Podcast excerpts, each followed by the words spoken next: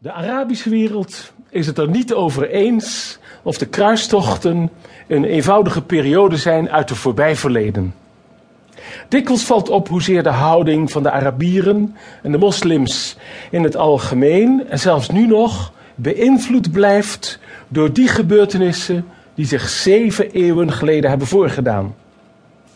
Aan de vooravond van het derde millennium, het jaar 2000, verwijzen de politieke en religieuze leiders in de Arabische wereld steeds naar Saladin, naar de val van Jeruzalem en naar de inname van die stad. Israël wordt in de volksopvatting en ook in sommige officiële redenvoeringen geïdentificeerd met de nieuwe kruisvaarderstaat. President Nasser werd in zijn gloriedagen regelmatig met Saladin vergeleken die evenals hij Syrië en Egypte had verenigd, en zelfs Jemen. Wat betreft de expeditie van Suez in 1956, die werd, net als die van 1191, beschouwd als een kruistocht geleid door de Fransen en de Engelsen.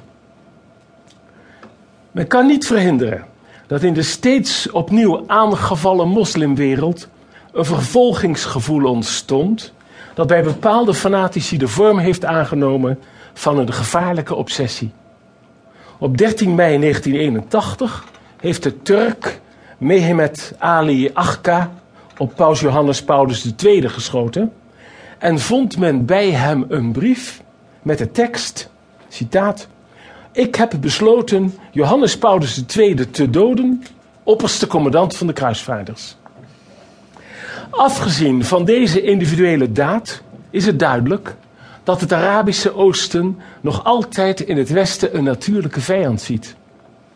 Tegen hem is iedere vijandelijke daad, het zij politiek, het zij militair of economisch, slechts een wettige revanche. Men hoeft er niet aan te twijfelen dat de breuk tussen deze twee werelden dateert van de kruistochten tot op de dag van vandaag door de Arabieren gevoeld als een gewelddadige aanranding. Al dus Amin Ma'alouf in zijn boek Les Croisades vues par les Arabes. Het boek verscheen in 1984. Er is ook een Nederlandse vertaling van. Die heeft een wel erg suggestieve titel. Rovers, christenhonden, vrouwenschenners, de kruistochten in de Arabische kronieken. Twee jaar later. Misschien overdrijft de schrijver, een in Libanon geboren journalist. Maar één ding is duidelijk.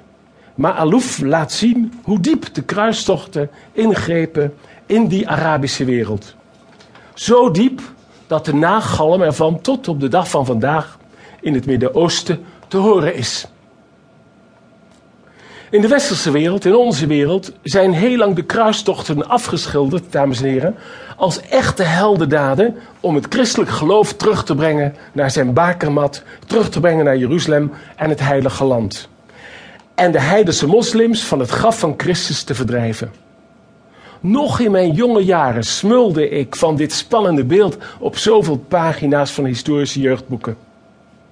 Maar die tijd ligt natuurlijk al zeer lang achter ons. Het is vooral Steven Runciman geweest die in 1951 een bijdrage leverde aan een andere visie. Hij zag de kruistochten als een mislukking en vooral als een moreel falen. De ideële bedoelingen, die er ongetwijfeld ook waren, die werden weggedrukt door de vreedheid, door de intolerantie, door de hebzucht en het cynisme achter veel handelingen. En zijn conclusie was hard. Citaat: De hele onderneming was een lange daad van intolerantie in naam van God en een zonde tegen de Heilige Geest. Een jaar eerder was van de hand van C.D.J. Brandt, een Utrechts hoogleraar in de nieuwste geschiedenis, maar zoals wel meer voorkomt bij nieuwhistorici, gepromoveerd op een medievistisch onderwerp, een Nederlandstalige studie over die eerste kruistocht verschenen onder de titel Kruisvaarders naar Jeruzalem. Zijn oordeel is niet van morele aard.